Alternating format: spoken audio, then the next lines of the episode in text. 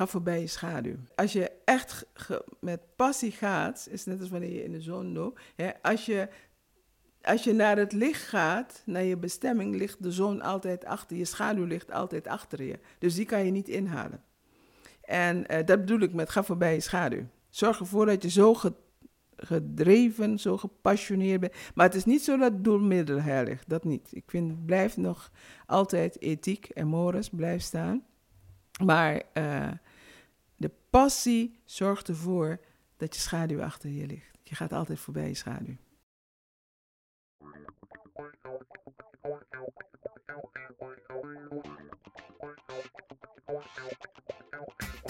Welkom bij Uitgedokterd, een podcast met de verhalen achter gepensioneerde artsen die op een bepaalde manier het verschil hebben gemaakt.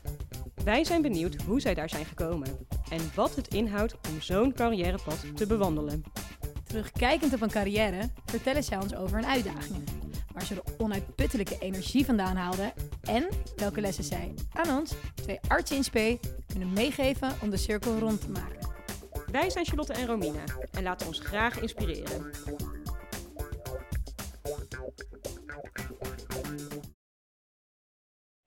Deze aflevering is Harriette Verwij onze gast.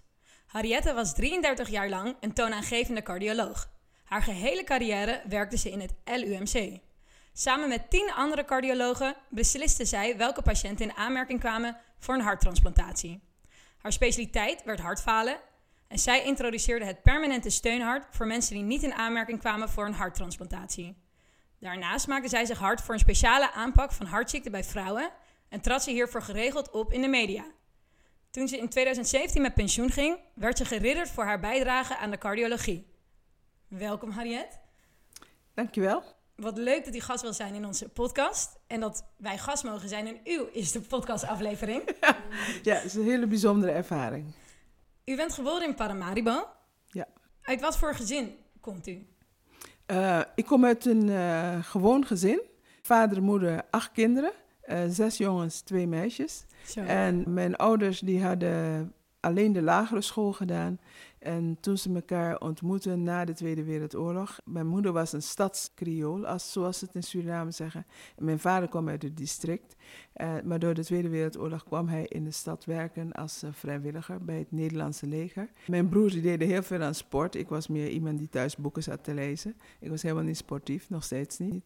Pas op mijn dertiende jaar eh, ben ik gaan nadenken over, over voor zieke mensen zorgen. En dat was gekomen door een enquête op school, op de middelbare school. Oké, vertel. Ja. Nou, op de middelbare school, in de tweede klas, toen was er een enquête van het ministerie van Onderwijs in Suriname. Waar, waar denken 13-jarigen aan? Wat, hoe, hoe denken ze over hun toekomst?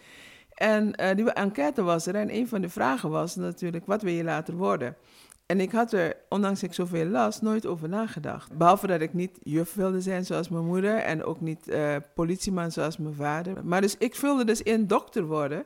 En uh, ik kwam thuis en ik vertelde het aan mijn moeder. En toen zei mijn moeder, ja, maar ze gaan je nog meer vragen stellen. Dus zij gaf mij een gulden, word lid van de, van de bibliotheek en ga dan boeken lezen daarover. Nou ja, wat lees je als 13-jarige? Ja, wat lees je als 13-jarige oh. doktersroman natuurlijk. Ja. Maar dat werd best wel gestimuleerd dan. ja, nou mijn moeder die had uh, zoiets van, ja, ze gaan je nog meer vragen stellen. Dan moet je wel weten waar het, waar het over gaat. Dat was het moment dat ik me realiseerde. En ja, ik had wel dokter worden ingevuld. Maar eigenlijk ging het mij om voor zieke mensen te zorgen. Maar toen ik van de, de, de, laatste klas in de middelbare school zat, zei mijn vader: Ja, maar je wordt geen verpleester. Jij, uh, je gaat naar Nederland en je wordt, uh, je wordt dokter. Mijn vader heeft eigenlijk daar de knoop doorgehaald. Die heeft echt dat setje gegeven om het. Ja, uh... mijn vader heeft het versneld door te zeggen: Jij gaat naar Nederland en je gaat medicijnen studeren. Maar zo'n stap om dan naar Nederland te gaan, dat lijkt me een hele grote stap. Ja, nou kijk. Uh, toen ik mijn vader dus voor mij koos, uh, besliste dat ik dokter zou worden. Uh, in Suriname kon je dus uh, in de jaren daarvoor ook geneeskunde studeren. Maar de geneeskundige school, zoals het daar heette, die was in revisie. Vier of vijf lichtingen zijn we naar Nederland gestuurd voor de eerste twee jaar. Ik was de derde lichting die er gestuurd is naar Nederland, naar Leiden. Dat was een speciale overeenkomst. Dus zodoende kwam het dat ik in Nederland kwam. En de bedoeling was dat, ik er, dat we twee jaar zouden blijven. Nu moet ik zeggen, als ik dus even een stap terug maak naar het moment dat ik in Nederland kwam, het begin, het begin was gewoon echt, echt hel. Ik bedoel, ik was hier nog nooit geweest. Ten eerste, de temp de, bedoel, het is vandaag uh, eh, 27 graden, geloof ik, maar dat, is, dat was het niet. Toen ik, daar, toen ik aankwam op 27 augustus 1970, uh, ik weet dat het regende, het was koud en ik had hier ook geen familie in Nederland. Dus ik uh, was moederziel alleen. Ik kwam met gezin van acht kinderen. Altijd drukte, altijd gezelligheid. Je ouders om je heen. Hoe lang heeft dat geduurd, die uh, periode van dat ik me wennen, zeg maar? Ja. Nou, het heeft wel... Uh, dat ik echt het gevoel had dat ik thuis, uh, ja, dat ik me op mijn gemak voelde thuis, is niet het woord, maar gemak voelde, heeft zeker twee jaar geduurd. De Nederlandse maatschappij is in die 50 jaar ontzettend veranderd. Uh, als ik nu bij iemand op bezoek kom, is het uh, tegen een uur of vier, is het, je blijft toch even mee eten, je prikt toch een vorkje of dat soort dingen. Dat was vroeger niet zo. Als je bij Nederland, in Nederland op bezoek komt, per ongeluk, het is me één keer overkomen, ik heb gelijk mijn les geleerd. ik bracht een boek bij iemand ging ik afgeven. En het was tegen half zes. En die persoon die zei van... Uh, oh, wat jammer dat je nu komt, want we hebben niet op je gerekend. Die zette mij neer in de, woon, in de voorkamer met een kopje koffie. En zij zaten achterin te eten en gezellig. Nee. En na drie kwartier kwamen ze weer terug. Toen waren ze klaar met eten. En toen zei ik... Ja, ja ik wilde eigenlijk alleen dat boek afgeven. Mm. Uh, dus de gastvrijheid van Nederland van nu... Dat is verworven. Dat, door het vele reizen, andere culturen. dus u heeft dat zien veranderen ook? Ik heb dat zien veranderen. Ook raak, gewend raken aan ander soort eten. Wat natuurlijk naast het reizen de grote verdienste is geweest van Albert Heijn. Die al die, die Mexicaanse keuken en weet ik veel wat al. dus de echt niet, daar heb ik even niet over de supermarkt, maar de mens Albert Heijn, de kruidenier zelf. Die nu al lang natuurlijk is overleden. Maar die heeft Nederland vertrouwd gemaakt met andersoortig eten. Nederland vertrouwd gemaakt met wijn drinken bij het eten en al die dingen. Dat, dat is de verdienste van Albert Heijn. Ja, en dus op hoe, die manier. Hoe ging het in die twee jaar met die eenzaamheid? Uh, ik kwam in een huis te wonen op Jan de Laterhofje in, in de Binnenvestgracht, uh, vlakbij het station in Leiden. En 35 studenten wonen daar. Ja, dan leer je mensen kennen. Je leert mensen kennen op het college. Je leert mensen kennen uh, in het studentenhuis. Ik ben in het begin geen lid geweest van een studentenvereniging. Twee redenen. Financieel, dat, daar had ik het geld niet voor. En ik kende de gewoontes van Nederland niet. Dus ik was eigenlijk daar bang voor. Maar het was wel de manier om in het ja, te leren. Ja, ja, misschien als ik in Nederland was grootgebracht, dan wel. Maar uh, komend uit een totaal ander land met andere gewoontes, was dat voor mij toen een brug te ver. En ik ging met huisgenoten naar Minerva, naar uh, weet ik veel waar, al die Augustinus. Dus overal ging, want daar waren er vaak lezingen. En dan kon je daar gaan eten en dan de lezing volgen. Ging ook naar de Mensa, want ik kende natuurlijk de Nederlandse keuken niet. En de manier om het te leren kennen was in de Mensa eten. En het was niet de beste plek, maar dan weet je tenminste hoe dingen moeten smaken. Het bestaat geloof ik niet meer, hè, de studentenmensa in Leiden. Maar in ieder geval, ja, daar leerde ik het Nederlandse eten kennen. En dan zit je aan een tafel en iemand schuift aan, in iemand van de rechtenfaculteit of van het Taleninstituut, weet ik veel. Die schuift aan en je maakt, begint een praatje van hoe is het in Nederland voor jou, et cetera. Dus, ja, Nederlanders willen altijd alles weten. Dus nou, zo kreeg je. En nou, dan was het, oh kom een keer koffie drinken, ik woon op uh, Morsestraat. Uh, het klinkt wel heel leuk. Of uh, kom je naar de Sterflet, of weet je, dus zo leerde je mensen kennen. Dus aan het eind van die twee jaar kende ik wel genoeg mensen. Dus ik heb daarna eigenlijk nooit de behoefte gehad om lid van een vereniging te worden. En na die twee jaar ook niet meer de behoefte gehad om dus terug te gaan. Nee. Ja, hoe beviel eigenlijk de studie geneeskunde voor u? Ik, ik vond het niet moeilijk. Je moest wel hard werken, maar moeilijk vond ik het niet. Het was wel keihard werken. Ja, want hoe was u als student? Heel ijverig. Ja? Ja, ik, ik ging altijd naar het college. En, dus de geneeskunde ging u makkelijk af. Het was hard werken, maar ja. u, het lukte u wel. Maar had u toen ook al een idee over wat voor arts u wilde worden? Nee, niet echt. Theoretisch vond ik alles leuk. Alles. Elk vak wat ik gestudeerd heb, vond ik leuk. Maar hoe kwam je dan uit bij de cardiologie? Nou, ik ben iemand die heel graag dingen doet, met de handen bezig is. En um, ik wilde dus chirurg worden, directe aanpak. Zo van galblaas ontstoken, hup, daar dingen eruit. je doet je ingreep en dan uh, is klaar. Dat sprak me niet aan. Daardoor was chirurgie voor mij toch meer naar de achterkant gegaan. Maar ja, maar wat dan wel? En, eh, maar in dat ziekenhuis heb ik dus ook interne geneeskunde gedaan. En ik heb een groot deel van die tijd op de hartbewaking gezeten. En ik weet, ik kwam binnen die eerste dag op de hartbewaking. En ik hoorde iedereen roepen, dokter Blauw, dokter Blauw. Ik zag die zusters rennen en ik dacht, wat voor hotshot is dit, dat al die zusters rennen. Waar, nu, nu, nu is het natuurlijk zo dat in jullie, in jullie opleiding krijgen jullie al de EHBO. Dat was toen niet zo. Dus uh, ik wist niet wat dokter Blauw was. Ik had ook nog nooit iemand gereanimeerd. Ik had ook geen EHBO-cursus. Dus ik zag al die verpleging, die zusters. En ik zat dus echt, ik stond dus zo te kijken, waar, waar komt hè, de hotshot vandaan? En ik werd aan de hand gepakt door een zuster die zei, kom mee, we moeten reanimeren. En ik denk, reanimeren, reanimeren, wat is dat? En, en dus ik heb mijn eerste reanimatie gedaan onder de bezielende leiding van de hoofdzuster. Uh, maar ja, het grappige is, jij bent als dokter altijd de operationele leider. Maar ik is echt van toeten nog blazen. En in ieder geval, die man heeft het gehaald. En een paar weken daarna, hij is ook goed ontslagen naar huis. Een paar weken daarna was hij 50 jaar getrouwd. En ik ben nog op dat feest geweest. En uh, om die mensen te feliciteren, hij had me uitgenodigd, want hij had gehoord, ik had zijn leven gered. Ik had dus natuurlijk niks gedaan. Ik had precies gedaan wat de zuster zei dat ik moest doen. Toen dacht ik, oh, dus cardiologie is mijn ding. Dat wil ik doen. Maar ik had eigenlijk sinds mijn kooschappen steeds in mijn hoofd gehad dat ik uh, chirurg wilde worden. Ik ben toen gevlogen naar Suriname gegaan, ben bij mijn ouders op vakantie gegaan. Die wisten van niks, dus niemand stelde mij vragen van heb je een baan of iets dergelijks.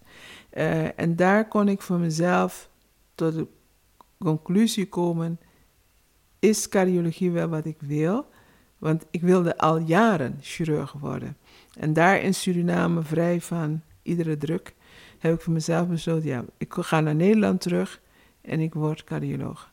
En toen dacht ik, oké, ik ga solliciteren, maar die dag dat ik het las, één dag na aankomst, was ook de laatste dag dat je je sollicitatiebrief kon schrijven. Dus ik heb een brief geschreven. Ik heb het toch geschreven die dag. En het was in 1979, eh, de, de winter dat het zo verschrikkelijk had geijzeld ik kwam terug en ik, eh, ik schreef dus die brief naar Bleulen, legde uit dat ik in Suriname was, dat ik net teruggekomen was, bla bla, heel verhaal.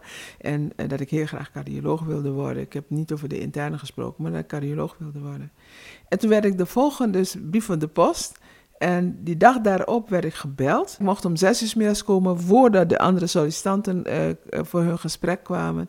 Uh, nou, en ik ging er naartoe en niet gehinderd door wat dan ook, zat ik daar en ik vertelde mijn verhaal van ik wil cardioloog worden, ik wil iets doen met mijn handen, ik wil ook mensen zorgen, mensen, mensen. Nou, ik weet niet wat ik allemaal heb zitten ratelen, maar in ieder geval, ik heb daar drie kwartier enthousiast zitten babbelen.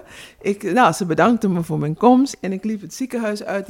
En ik had zoiets van, hier wil ik werken. En dat gaat ook gebeuren. Ik had zo'n zo'n gevoel van, dit is mijn plek. En toen werd ik gebeld, en even een lang verhaal kort, toen was ik aangenomen. Wow, ik was aangenomen. Maar ik, was, ik ging dus zonder stress. En misschien omdat ik laat was met die sollicitatie. Ik ging zonder stress. U gaf zich eraan over. Dus, uh, nou goed, ik begon daar. Meneer Veldhuizen van Zanten, die toen de opleider was daar voor de interne. Die zei, uh, Harriet, solliciteer aan de VU. Toen kwam ik in Leiden, werd ik gevraagd, uh, uitgenodigd voor een gesprek. En, oh ja, moet ik even terug, want ik wilde dus nooit meer terug naar Leiden. Ik had de herinnering, die eenzaamheid. En Leiden was toen echt was een arme stad. Het heeft tot jaren negentig onder curatele gestaan van de, over, van, de staatsoverheid. Het is ook een gevaarlijke stad. Sommige delen waar nu, die nu heel trendy zijn, waar iedereen wil wonen. Daar moest je vooral als vrouw niet komen s'avonds. Dus ik had zoiets in Leiden nooit meer. Nou, ik had dus naar Leiden geschreven, ik had naar de VU geschreven, ik had naar Onze Lieve Vrouwen geschreven, naar Utrecht geschreven. En toen kon ik in, heel snel in Leiden komen een gesprek. Het was ook een leuk gesprek met professor Buis en zo. En, en toen zei Buis, loop maar even mee terug. En toen ging Buis zitten en hij zei tegen mij, heb je een auto? Ik zei, ja. Toen had ik dus inmiddels rijbewijs en een auto. Ik zeg, ja. Hij zegt, wat is het? Voorwielaandrijving of achterwielaandrijving? Ik zeg, dat weet ik niet. Hoe kun je dan zeggen dat je cardiologie wilt doen, een technisch vak? Ik zeg, ik heb toch ANWB? Dat hoef ik niet te weten. en hij zei tegen Arsenius, hij draaide gewoon, hij zei, die moeten we hebben, die heeft haar op haar tanden. Ja. En toen had professor Arsenius tegen mij gezegd, en dat is misschien de eerste boodschap. De eerste boodschap was, wees jezelf. Ga voor waar je, je droom, waar je, hè, en, en En leef het ook gewoon uit. Want ik ben echt, zonder na te denken, ik ging daar gewoon naartoe. Zo van, nee, ik zie het wel, ik, het lijkt me leuk. Dus ik had niks gepland in mijn hoofd. Niet te lang over nadenken, dat geeft er tijd om... Gewoon erin gestapt. ja. Gewoon erin gestapt. Ik, ik, ik ging gewoon daar naartoe van... eh, en die vroegen, waarom wil je cardiologie doen? Dus ik vertelde dat verhaal. Ik vertelde dus die reanimatie. Daar, daar vertelde ik over. Echt authentiek, van dit, is, dit zijn mijn beweegredenen, dit heb ik meegemaakt. Ja, Dus dit Kijk, is, ik wist, ik hield van het vak, van, van, van geneeskunde. Ik wist dat dokter zijn mijn ding is. Ik eh, wilde heel graag cardiologie doen door die ervaring. Toen wist ik inhoudelijk nog niet wat cardiologie betekende. Ja, en mijn passie, meer nog dan het dokter zijn, mijn passie is altijd geweest zieke mensen helpen. Dat is de grondreden geweest. Ik heb me ook nooit afgevraagd, hoe ver kan ik in het vak komen? Hoe ver kan ik komen in de behandeling van deze patiënt die zijn leven aan mij toevertrouwt? Dat is altijd tot mijn laatste werkdag mijn passie geweest. Dus je drijfveer is ook heel belangrijk. En vanuit die passie sprak ik eigenlijk. Want ja, ik had nul ervaring. Ja, dat jaartje eh, als eh, artsassistent, eh, of ja, nu heet het ANIOS. Dat was enige ervaring die ik had. Heeft u daarin rolmodellen gehad? Nooit, nee. Nou, de vrouwelijke specialisten toen, die de weg voor jou en mij, dat waren een soort halve mannen. Hè? En in ieder geval wist ik zeker dat ik niet in bootschoenen op de afdeling wilde. Ik heb ook altijd, totdat het niet meer mocht, altijd op hoge hakken gelopen in het ziekenhuis. Dat, eh, ik, ik, weigerde als een halve kerel eruit te zien of als een halve kerel te spreken. Die vrouwen die dus voor mij de weg gebaand hebben, en mijn generatie vrouwelijke artsen, specialisten, die echt fulltime werkte, carrière maakte, waren, die ik gezien heb hoor, laat me daar direct bij zijn, waren een beetje halve kerels, weinig flatteus. Dus ja, maar, maar goed, dus ik, ik, wat dat dan gaat, had ik geen rolmodel, behalve dat ik dan wist dat vrouwen ook specialist kunnen worden. Was er niet één specifieke die mij eh, aansprak. Maar goed, ik eh, we zaten dus in Bleuland en ik heb gesolliciteerd. Nou, Leiden kon ik gelijk komen, maar ik wilde dus niet naar Leiden. En toen had ik in het OLVG gesolliciteerd, daar wilde ik heel graag naartoe. En ehm, toen ehm, er was daar net een nieuwe opleider. Hij is een jaar of zes geleden is hij overleden. En was net een nieuwe opleider en die zei tegen mij, ik moet de hele opleiding reorganiseren en bla bla. Ik zal het je nog laten weten. Toen zei ik tegen hem, ik ben aangenomen in Leiden, maar ik wil eigenlijk niet naar de stad Leiden toe. Maar professor Arsenius heeft tegen mij gezegd, je mag mij in het laatste jaar niet meer afzeggen. Eh, ik kan je niet verplichten, maar eh, het wordt lastig om direct een gat te vullen. Je bent nu twee jaar in Bleuland, dus je kunt van gedachten veranderen. Dat zou ik jammer vinden, maar niet meer in het laatste jaar. En want dan moeten we eh, ja, ineens een gat gaan vullen en ja, dat, dat is altijd een beetje lastig. Nou, en ik had dat dus ook gezegd in Amsterdam. En toen kreeg ik een bericht van hem tien maanden voordat ik naar Leiden zou gaan. En eh, toen heb ik gezegd, nee, nu kom ik niet. Ik heb professor Arsenius beloofd dat ik in het laatste jaar niet afzeg. Ik zou dolgraag naar Leiden, naar Amsterdam willen komen, maar nu niet. En dat is de tweede tip die ik zou willen geven. Hou je aan je belofte. Ik weet dat natuurlijk wij altijd kijken wat brengt ons het meeste voordeel. Maar de immateriële zaken, dat bepaalt veel meer wie je ten diepste bent. En zorg ervoor dat dat voor jou gaat lopen.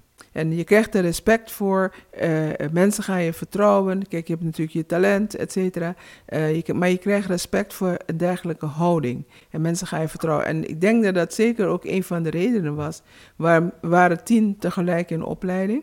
Ieder eh, jaar werden tien nieuwe mensen aangenomen in die tijd. Nu is het minder. En, ehm, en ik ben de enige die ze toen gevraagd hebben om in Leiden te blijven. En dat was niet eens, ik denk, ik was niet, dat ik, ik was goed, maar ik kan ook niet zeggen, men, die, groep was gewoon goed. Ze die anderen zijn allemaal heel goed terechtgekomen in de rest van Nederland. Maar Buis en Arsenius vroegen mij, we willen graag dat jij blijft. Dat jij hier verder je carrière aan de... Buis voegde nog iets anders aan toe. Hij, hij was de eerste persoon die mij erop attendeerde dat ik die mentaliteit had van dingen uitzoeken. Hij zei, je wil het weten, je, gaat, je fileert de dingen, je, je, je gaat erachteraan. Je wil altijd weten, wat als ik nog dit doe, wat als ik nog zo van die kant bekijk. Hij zegt, en dat is een academische instelling. Je moet in een academisch ziekenhuis blijven. We willen je het liefste hier houden. Uiteraard kun je weggaan als je naar een andere... Maar ga dan naar een academisch ziekenhuis. Want in een algemeen ziekenhuis ga je vervelen. Dat is veel van hetzelfde. En daar ben je te nieuwsgierig voor. En was u het daar toen meteen mee eens? Of? Nou, ik, ik wist niet waar hij het over had eigenlijk op dat ogenblik. Maar die man zei het en ik had drie, bijna drie jaar met professor Buis gewerkt eh, als mijn opleider. En ik vertrouwde hem en ik kreeg een staffunctie voor twee jaar. Ik dacht, nou ja, nou, we zien wel wat er gebeurt in die twee jaar. Maar het was, ik vertrouwde hem. En later bleek dat hij dus een talent in mij gezien had die ik, ehm, waarvan ik me niet bewust was, want ik was een verlegen meisje. Dat ik leiderschapkwaliteiten had. Ik kon mensen enthousiast maken om, om dingen te gaan doen, om boven, om zich uit te rekken, om boven hun, of zoals ik het altijd zeg uh, in de interviews, ga voorbij je schaduw. Als je echt met passie gaat, is net als wanneer je in de zon loopt. Hè, als, je, als je naar het licht gaat, naar je bestemming, ligt de zon altijd achter je. Schaduw ligt altijd achter je. Dus die kan je niet inhalen. En uh, dat bedoel ik met ga voorbij je schaduw. Zorg ervoor dat je zo gedreven, zo gepassioneerd bent. Maar het is niet zo dat doelmiddel heilig, dat niet. Ik vind, blijft nog altijd ethiek en mores, blijft staan. Maar uh, de passie zorgt ervoor dat je schaduw achter je ligt. Je gaat altijd voorbij je schaduw. Is er een bepaalde ervaring geweest die uw blik op de geneeskunde heeft veranderd? Blik op de geneeskunde niet, maar wel blik op de dokter die ik zou willen zijn. Ik was in Nederland, ik was uh, in het laatste jaar van mijn opleiding. Um, toen mijn moeder hersenbloeding kreeg, de verkeerde diagnose, verkeerde medicijn, maar dat wist ik toen niet. En toen vloog ik terug naar Suriname. Het was bekend, mijn vader had het gezegd tegen die neuroloog. Mijn dochter komt en die is arts. En, um, en dan, ja, nou ja, goed, dan zullen we horen hoe en wat. En uh, je zat in de stress. Gaat me, zal mijn moeder mij herkennen? Met hersenbloeding, ja, ik had ze natuurlijk gezien bij kooschappen neurologie. En op de gang kwam ik de neuroloog tegen die haar behandelde. En ik vroeg dus aan de, de ik zag die dokter, maar in, met die verpleging praten. En ik vroeg aan de verpleegkundige, waar ligt mevrouw Verwij? En die man draaide zich om. Op dat ogenblik wist ik niet dat de neuroloog was. Hij keerde zich om, keek me aan en hij zei: U bent die dochter uit Nederland? Ik zeg ja. En die man heeft me daar ter plekke hele ziektebeeld van mijn moeder, inclusief de slechte prognose, verteld. Alsof hij sprak met een collega.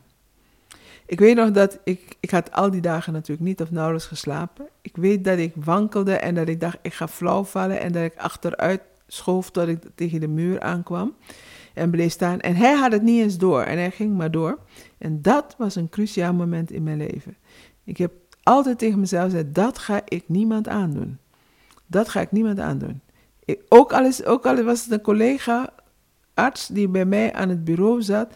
Ik zei altijd tegen, ik weet dat u huisarts bent of ik weet dat je dat bent, maar nu ben je patiënt. Ik wil alles weten, dus we gaan even niet in vaktermen praten. Ik wil gewoon weten, hoe is het begonnen? Hoe is het verloop geweest? Ik wil alles weten, ik ga niet in vaktermen praten. Ik begon met ze te vertellen dat ik wist wie ze waren en dat ik ze eerde in die positie, maar dat we nu in een andere rol zaten. Je zei, je hoeft van mij niet per se u te zeggen. Ik zeg, ik heb het liever wel, zeker in het begin, de eerste keer dat ik jou zie.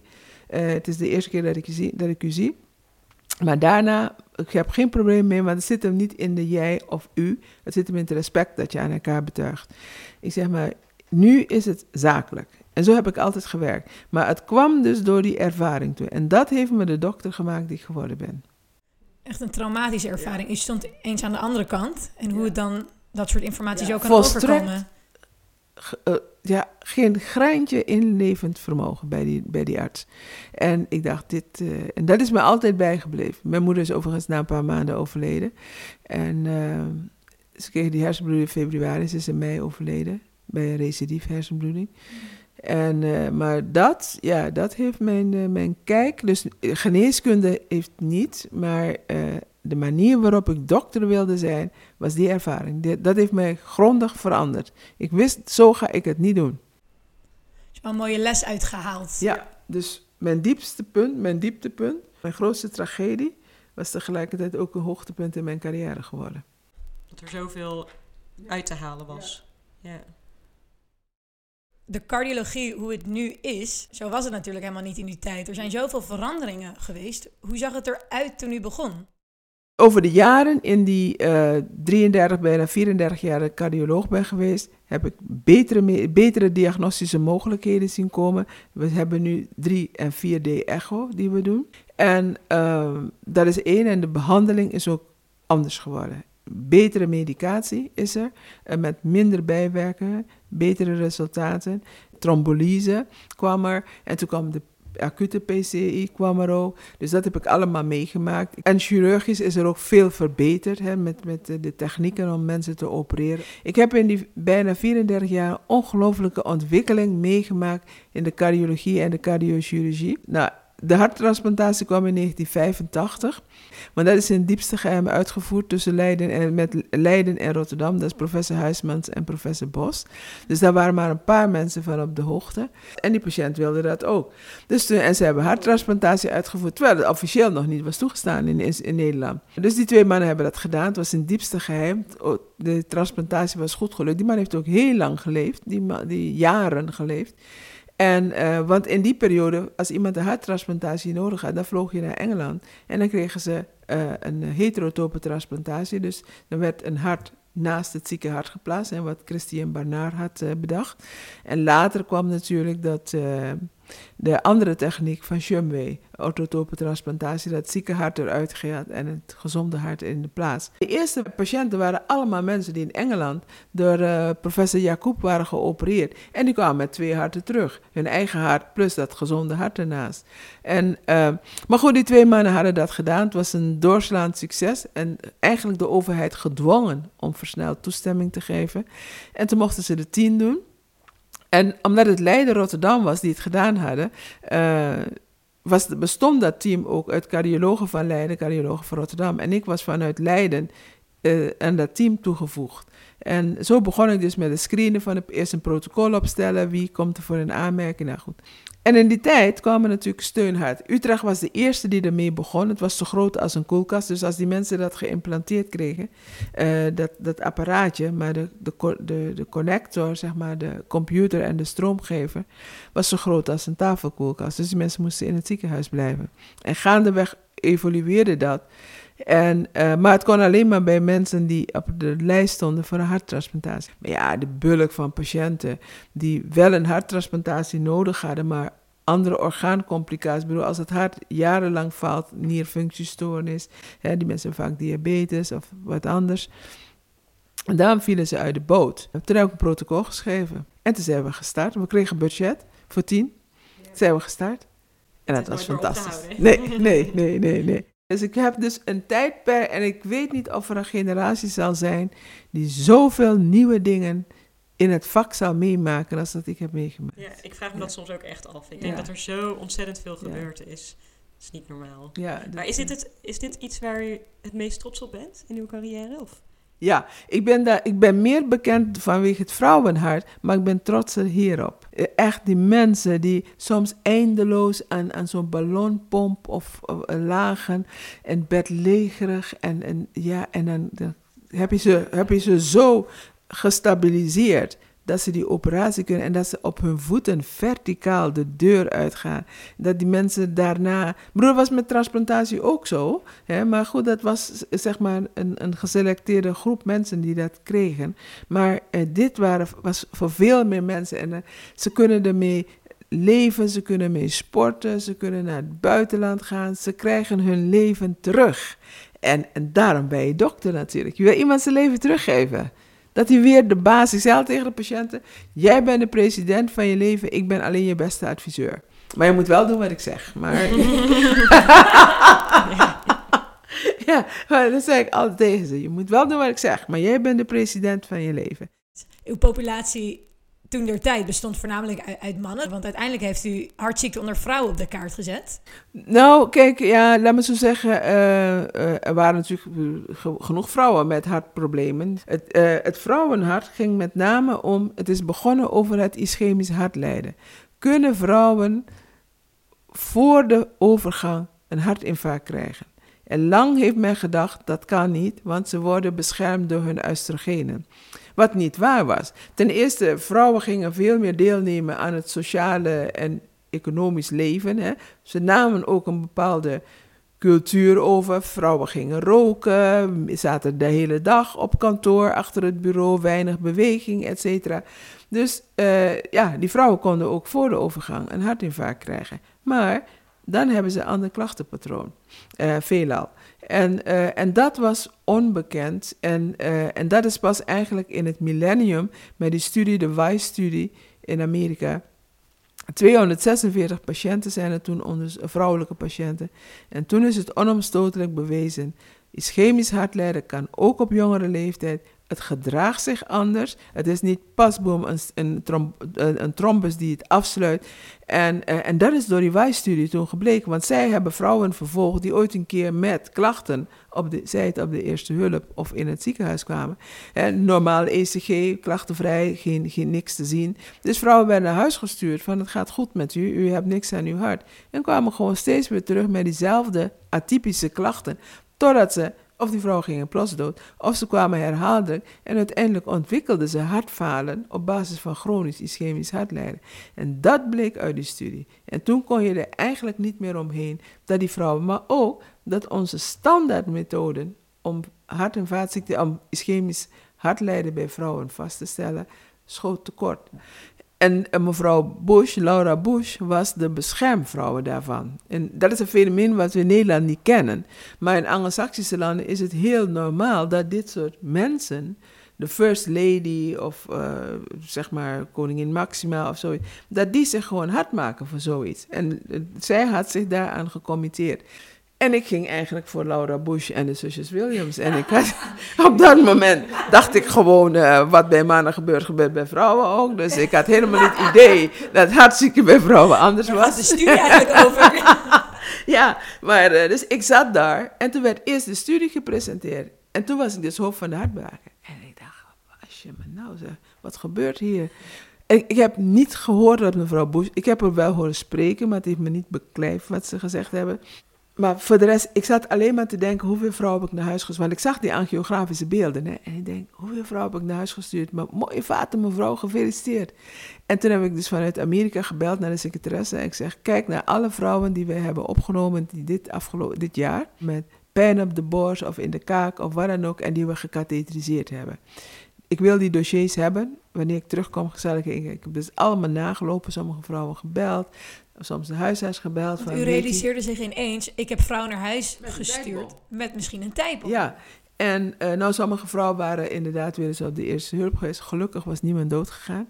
En, uh, en toen zo is het begonnen. Ik was dus zo geschrokken van die studie, van de uitslag, dat ik dacht, dit, uh, toen was dus nog hoofd van uitbewaking. Ik denk, dit gaat dus niet meer gebeuren. En ik vraag me nu eigenlijk wel af hoe het nu gaat met het vrouwenhart. Nou, het vrouwenhart loopt, maar nog steeds is het een miskend onderwerp, ook binnen de cardiologie. De huisartsen doen het substantieel beter dan, uh, dan de specialisten. Maar, uh, en hoe dan? Behalve de standaard risicofactoren, hè, zoals hypertensie, diabetes, familiegeschiedenis of je rookt, bla bla. Dat staat in het boekje. Zijn we er nu achter gekomen dat je ook vrouwspecifieke risicofactoren hebt. Heeft een vrouw zwangerschapssuiker ontwikkeld of hoge bloeddruk, uh, of een HELP-syndroom gehad tijdens een zwangerschapsintoxicatie de, tijdens, uh, bij de laatste trimester van het zwangerschap.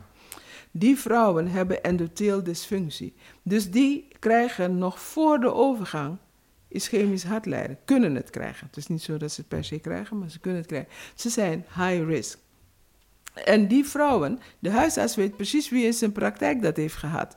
En die mensen moeten dus rondom hun 35ste jaar geanalyseerd worden. Wat is hun, hun, cholesterol, HDL-cholesterol, triglyceriden, de, hele wat je moet nakijken. Hoe is hun, hoe is hun bloeddruk? Hoe is hun suiker? Bla bla. Is het allemaal goed? Dan kunnen ze over vijf jaar terugkomen. Maar dit, die vrouw moet je al op hun 35e jaar in de kraag vatten. Ook iets, en dat vind ik nog steeds jammer dat het door de dermatologen niet goed wordt opgepakt. Jonge vrouwen die laat in, uh, in, de, in de hun eerste menstruatie krijgen, in combinatie met overbeharing en acne, die hebben vaak uh, ovariumkiesten. Het heeft een naam, wat me nu ontschoten is. PCOS? Oh, PCOS, ja, inderdaad. Uh, En die mensen hebben ook endotheeldysfunctie en dyslipidemieën. En die mensen kun je zelf... Kijk, ze zitten allemaal, worden ze elektrisch uh, ontharen en al dat soort dingen meer. Maar die vrouwen hebben een fout risicoprofiel in, in hun vaatwand. De dermatologen zien die mensen en die zouden... Daar, eh, ze hoeven niet dat te gaan prikken, maar stuur een brief naar de huisarts. Deze persoon moet op tijd, zeg maar, nagekeken worden. Daar is nog een generatie gaat er overheen. Voordat, en ook de leerboeken zijn er toch niet op aangepast. Daar kunnen wij het ook nog uh, op pakken. En wat zijn kernwijze lessen? Kernwijze lessen, kijk natuurlijk, ik uh, bof met mijn opvoeding die ik heb gehad, het gezin waar ik ben grootgebracht. Uh, twee is, ga achter je droom aan met passie. Gebruik je talenten, niet je ellebogen. Dat is goed genoeg om heel ver te komen, zeker in combinatie met passie. En uh, leer omgaan met die stemmen in je hoofd. Ik moet de stemmen denk ik nog even toelichten. Nog een keertje, want dat, daar hadden we het in de tuin over. Maar... Ja, nou kijk, iedereen, als je ergens bent geweest, je hebt een praatje gehouden, je loopt van het podium af, dan denk je, oh ja, shoot, ik had dat ook nog willen zeggen, of ik had dat nog willen doen, of ik had die vraag, heb ik, heb ik die vraag wel goed begrepen van die persoon? Je hebt allemaal, want je wil het zo goed mogelijk doen. En je, in jou gaat nooit een stem opstaan die zegt, wel dan, wel dan. Nee, er gaat altijd een stem opstaan die jou vertelt, nou, dat heb je niet goed gedaan. Je hebt die man afgekapt, of je hebt dit, of je hebt dat. Geloof me, we hebben het allemaal. Zie het als een, als een bewijs dat je op de juiste weg bent.